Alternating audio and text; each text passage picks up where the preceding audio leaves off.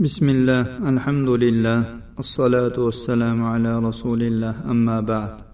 قال المصنف رحمه الله تعالى ثواب خوف الله عز وجل وخشيته وخوف عقابه. مصنف رحمه الله دلال الله عز وجل دن خاف قلش ونن قرقش وني إقاب دن قرقش ثواب الله سبحانه وتعالى أنفذ فرسه 2-4 آيات لدن دلال alloh nomi zikr qilinganida qalblariga qo'rqinch tushadigan uning oyatlari tilovat qilinganda iymonlari ziyoda bo'ladigan va parvardigorlarigagina suyanadigan kishilar haqiqiy mo'mindirlar. Ular namozni to'kis ado etadilar va biz ularni bahramand qilgan narsalardan infoq ehson qiladilar. Ana o'shalar haqiqiy mo'minlar bo'lib ular uchun parvardigorlari huzurida ya'ni jannatda yuksak darajalar mag'firat va ulug' rizq bordir. Alloh taolo mo'minun surasining ellik yettidan oltmish birinchigacha bo'lgan oyatlarida dedi. Albatta parvardigorlardan qo'rqib xavfda turuvchi kishilar parvardigorlarining oyatlariga iymon keltiradigan kishilar parvardigorlariga shirk keltirmaydigan kishilar kambag'al bechoralarga bergan sadaqalarini qiyomat kunida hisob kitob uchun parvardigorga qaytuvchi ekanliklaridan dillari qo'rqib turgan holda beradigan kishilar ana o'shalargina barchadan o'zuvchi bo'lgan hollarida yaxshiliklar qilishga shoshadilar. Nur surasi o'ttiz yettinchi va o'ttiz sakkizinchi oyatlarda alloh taolo dedi ular qalblar va ko'zlar iztirobga tushib qoladigan qiyomat kunidan qo'rqadilar. Ular alloh o'zlarini qilgan amallarining eng go'zallari sababli mukofotlashi va yana ularga o'z fazlu karami bilan ziyoda savoblar ato qilishi uchun ertayu kech allohni poklab ibodat qiladilar. Alloh o'zi xohlagan kishilarga behisob rizq beradi. Alloh taolo ahzob surasi o'ttiz beshinchi oyatda dedi. Albatta muslim va muslimalar mo'min va mo'minalar itoatgo'y erkaklar va itoatgo'y ayollar rostgo'y erkaklar va rostgo'y ayollar sabr qanoat qiluvchi erkaklar va sabr qanoat qiluvchi ayollar tavozuli ya'ni xushuli erkaklar va tavozuli ayollar xayru sadaqa qiluvchi erkaklar va xayru sadaqa qiluvchi ayollar ro'za tutuvchi erkaklar va ro'za tutuvchi ayollar jinsiy a'zolarini haromdan saqlovchi erkaklar va jinsiy a'zolarni haromdan saqlovchi ayollar allohni ko'p zikr qiluvchi erkaklar va allohni ko'p zikr qiluvchi ayollar ular uchun alloh mag'firat va ulug' mukofot ya'ni jannatni tayyorlab qo'ygandir. Alloh taolo qof surasi o'ttiz birdan o'ttiz beshgacha bo'lgan oyatlarda dedi. Jannat taqvodor zotlarga yiroq bo'lmagan bir makonga keltirildi va ularga deyildi. Mana shu ne'matlar sizlarga har bir allohga qaytuvchi o'z ahdini saqlovchi rioya qiluvchi dunyoda rahmon ya'ni ollohdan qo'rqqan va qiyomat kunida tavba tazarru qilgan qalb bilan kelgan kishilarga va'da qilinayotgan narsalardir. Jannatga tinch omon kiringlar. Bu kun mangu qoladigan kundir. Ular uchun u joyda xohlagan narsalari bordir. Va yana bizning dargohimizdagi qo'shimcha izzat ikromlar ham bordir. Alloh subhanahu va taolo tur surasi yigirma oltinchi va yigirma yettinchi oyatlarda dedi. Ular bir birlariga boqishib basti javob qilishib deydilar. Haqiqatan bizlar ilgari ya'ni hayoti dunyoda ahli oilamiz orasida bo'lgan chog'imizda allohdan qo'rqardik. Qiyomatda uning azob uqubatiga duchor bo'lishdan xavfda edik mana alloh bizlarga hidoyat va tavfiq ila marhamat ko'rgazdi va bizlarni jahannamning samumidan ya'ni uning o'ti va issiqligidan saqladi. Alloh taolo inson surasi o'ninchidan o'n ikkinchigacha bo'lgan oyatlarda dedi albatta bizlar robbimiz tomonidan bo'ladigan dahshatli azobidan yuzlar burishib peshonalar tirishib qoluvchi bir kundan qo'rqamiz. Alloh ularni o'sha kunning yomonligidan saqladi va ularning yuzlariga jilva nur dillariga esa surur baxsh etdi va ularni sabr qanoatlari sababli jannat va jannatda ignalarda bo'ladigan ipak liboslar bilan mukofotladi. Bu ma'nodagi oyatlar juda ham ko'p mana shu qadr bilan kifoyalaniladi. Endi bobimizga taalluqli hadislarni o'rganishga o'tamiz. وعن أبي هريرة رضي الله عنه أن النبي صلى الله عليه وسلم قال كان رجل يسرف على نفسه ولما حضره الموت قال لبنيه إذا أنا مت فأحرقوني ثم اطحنوني ثم ذروني في الريح فوالله لئن قدر الله علي ليعذبني عذابا ما عذبه احدا فلما مات فعل به ذلك فأمر الله الأرض فقال اجمعي ما فيك منه ففعلت فاذا هو قائم فقال ما حملك على ما صنعت قال خشيتك يا رب او قال مخافتك فغفر له رواه البخاري ومسلم abu hurayra roziyallohu anhudan rivoyat qilinadi nabiy sollallohu alayhi vasallam dedilar bir odam o'z joniga zulm qilardi ya'ni toat ibodat qilmasdan ma'siyatlar bilan o'z joniga zulm qilardi. Unga o'lim hozir bo'lgan paytda o'g'illariga dedi agar men o'ladigan bo'lsam meni yoqinglar. So'ngra meni maydalanglar. So'ngra shamolga olib chiqib mani sochib yuboringlar. Allohga qasamki agar alloh taolo meni qayta tiriltirishga qodir bo'lsa menga birortasini azoblamagan azobni beradi. U o'lgach unga aytgan ish qilindi. Alloh yerga buyurdi. Aytdiki o'zingni ustingdagi ana shu odamning zarralarini menga yig'ib ber. Yer shunday qildi. Banogah u odam suratida allohning oldida qoyim bo'ldi. Alloh taolo unga dedi bu qilgan ishingga seni nima narsa majbur qildi?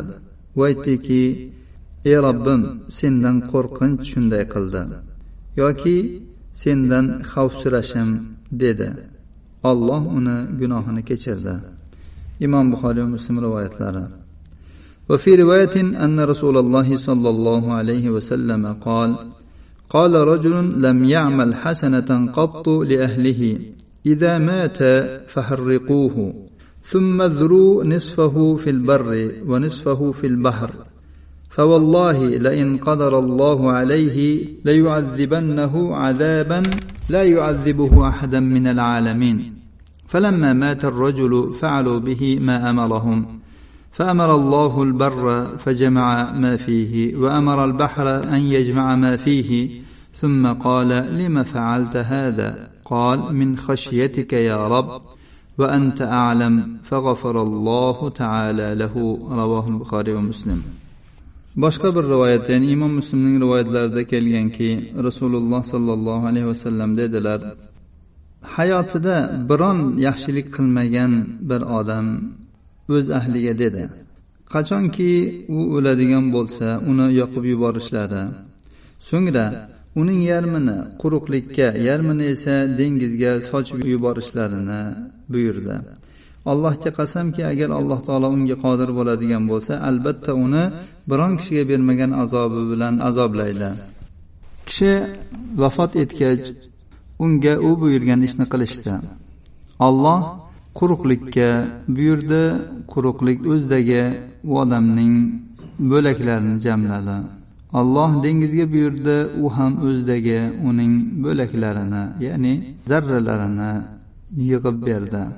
so'ngra alloh taolo unga dedi nima uchun bunday qilding u aytdiki ey rob sendan qo'rqqanimdan sen buni biluvchiroqsan alloh taolo uni gunohini kechirdi imom buxoriy va muslim rivoyatlari وعن ابي سعيد الخدري رضي الله عنه ان النبي صلى الله عليه وسلم قال إن رجلا كان قبلكم رغسه الله مالا فقال لبنيه لما حضر أي أب كنت لكم؟ قالوا خير أب. قال فإني لم أعمل خيرا قط فإذا مت فأحرقوني ثم اسحقوني ثم ذروني في ريح عاصف ففعلوا فجمعه الله عز وجل فقال ما حملك؟ فقال مخافتك فتلقاه برحمته رواه البخاري ومسلم abu saidin al hudriy roziyallohu anhudan rivoyat qilinadi nabiy sollallohu alayhi vasallam dedilar sizlardan avval o'tgan bir kishini alloh taolo mol bilan ko'mib tashlaganda juda ham ko'p mol berganda u odamga o'lim hozir bo'lgan paytda bolalariga dedi men sizlarga qanday ota bo'lgandim ular juda ham yaxshi ota dedilar. U aytdiki men biron yaxshilik qilgan emasman. Agar men o'ladigan bo'lsam meni yoqib yuboringlar. So'ngra maydalanglar. So'ngra kulimni qattiq esgan shamolda sochib yuboringlar. Ular shunday qilishdi. Alloh azza va jalla uni jamladi va unga dedi seni bunga nima narsa majbur qildi? U aytdiki sendan qo'rqish. Ya'ni sendan qo'rqqanimdan shunday qildim. Alloh taolo uni o'zi rahmatiga oldi. Imom buxoriy va muslim rivoyatlari. Demak hozir o'qib o'tgan uchta hadisimiz bir kishining qissasi bo'lib bu odam ollohni borligini bilgan ollohni bor deb e'tiqod qilgan. Biroq uni nafsi ammorasi shaytoni hech yaxshi amal qilishga qo'ymagan. Oxir oqibat alloh taolodan juda ham qattiq qo'rqqanligidan shunday qilinglar degan farzandlariga agar alloh taolo meni haqiqatda tiriltira olsa qattiq azoblaydi bo'lmasa qutulib ketaman degan maqsadda alloh taolodan qo'rqib ya'ni o'zini yoqtirib kulga aylantirib yo'q qildirib yubordi alloh taolo uni tuproqdan yaratgan zot uni yana avvalgi holatiga qaytarib uni so'roq savol qilib uni shu aytgan gapida sodiqligi haqiqatda alloh taolodan qo'rqqanligi uchun hayotda biron yaxshilik qilmagan bo'lsa ham uni o'zi rahmatiga oldi uni kechirdi. Ya'ni alloh taolodan qo'rqishning fazilati bu.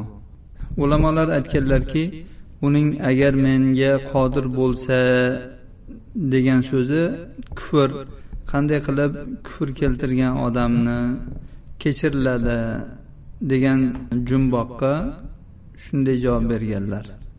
U odam kulga aylanib yo'q bo'lib ketgan odamni qayta tirilmaydi deb o'ylagan bo'lishi mumkin yoki o'sha o'lim kelgan paytda o'ta dahshatga tushib qo'rqib ketganidan shu gapni gapirib qo'ygan bo'lishi ham mumkin deb aytganlar.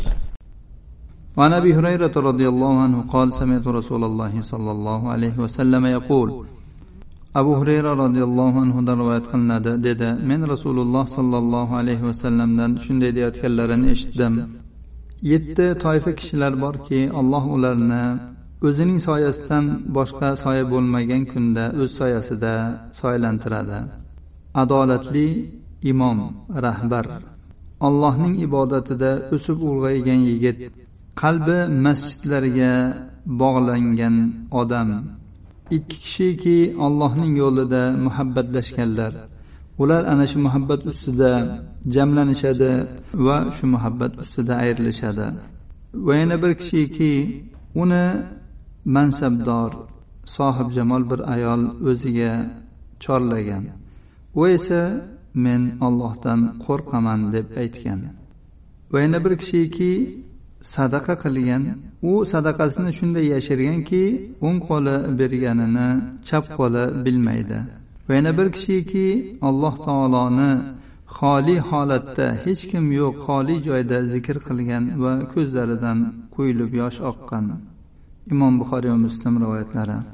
Ushbu hadisdan bizning bobimizga taalluqli joyi go'zal va mansabdor ayol o'ziga chorlagan. Ya'ni albatta bu chorlash o'rta ko'chada bo'lmaydi. Bu ayol hamma sharoitlarni hozirlab barcha imkoniyatlarni muhayyo qilgandan keyin ana undan keyin chorlaydi. Hech kim yo'q mansabdor go'zal ayol.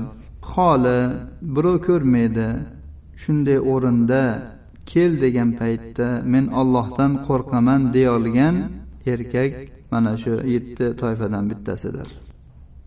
وعنه قال سمعت رسول الله صلى الله عليه وسلم يقول من خاف أدلج ومن أدلج بلغ المنزل ألا إن سلعة الله غالية ألا إن سلعة الله الجنة. رواه الترمذي وقال حديث حسن. وين أبو هريرة رضي الله عنه روايات قلنادى dedi men rasululloh sollallohu alayhi vasallamdan shunday deyayotganlarini eshitdim kim qo'rqadigan bo'lsa tunning boshida yo'lga chiqadi kim tunning boshida yo'lga chiqsa manziliga yetadi. Ogoh bo'ling allohning matosi qimmatbahodir. Ogoh bo'ling allohning matosi jannatdir. Imom termiziy rivoyatlari. Ushbu hadisga sahih targ'ib tarhibda uch ming uch yuz yetmish yettinchi raqam ostida sahihun deb hukm qilingan. Hadisning ma'nosida aytilyaptiki kim alloh taolodan qo'rqadigan bo'lsa allohning azobidan qo'rqadigan bo'lsa alloh taologa toat ibodat qilishga bel bog'laydi. Va alloh taologa birinchilardan bo'lib shoshib yurishga tushadi. U amal va harakat oqshomi o'tib ketgach va oxirat tongi otgach o'zi bosib o'tgan yo'ldagi xavf xatarlarni ko'rgach va u o'zining habib zot alloh taologa manzilat yaqin ekanligini va dangasalik uni o'tkazib orzu umidlar uni mag'rurlantirib aldab qo'ygan odamni uzilib qolganini mushohada qilgan paytda o'z öz o'zidan uning holat tili ya'ni tili emas holat tili intilganga toliyor deb yuboradi. Haqiqatda bu odam intilgan unga toliyor bo'ldi. وعن أبي هريرة رضي الله عنه عن النبي صلى الله عليه وسلم فيما يروي عن ربه عز وجل أنه قال وعزتي لا أجمع على عبدي خوفين وأمنين. إذا خافني في الدنيا أمنته يوم القيامة وإذا أمنني في الدنيا أخفته يوم القيامة. رواه ابن حبان. abu hurayra roziyallohu anhudan rivoyat qilinadi nabiy sollallohu alayhi vasallam robbi azza va jalladan rivoyat qilgan hadis qudusiyda alloh taolo dedi izzatimga ya'ni azizligimga qudratimga qasamki men bandamga ikki qo'rqinchni va ikki omonlikni jamlamayman. Agar u mendan dunyoda qo'rqadigan bo'lsa uni qiyomat kunida amonda qilaman. Agar u dunyoda mendan amonda bo'lsa qo'rqmaydigan bo'lsa uni qiyomat kunida qo'rqitaman. Ibn hibbon rivoyatlari sahih targ'ibot tarhibda uch ming uch yuz yetmish oltinchi raqam ostida hasanu sahih deb hukm qilingan. Alloh subhanahu va taolodan barchalarimizni haqiqiy qo'rqadigan bandalardan qilishini va dunyoda alloh taolodan qo'rqib oxiratda omonda bo'ladigan bandalaridan qilishini so'raymiz. Hada va sallallohu ala nabiyina muhammad va ala alihi va sahbihi vasallam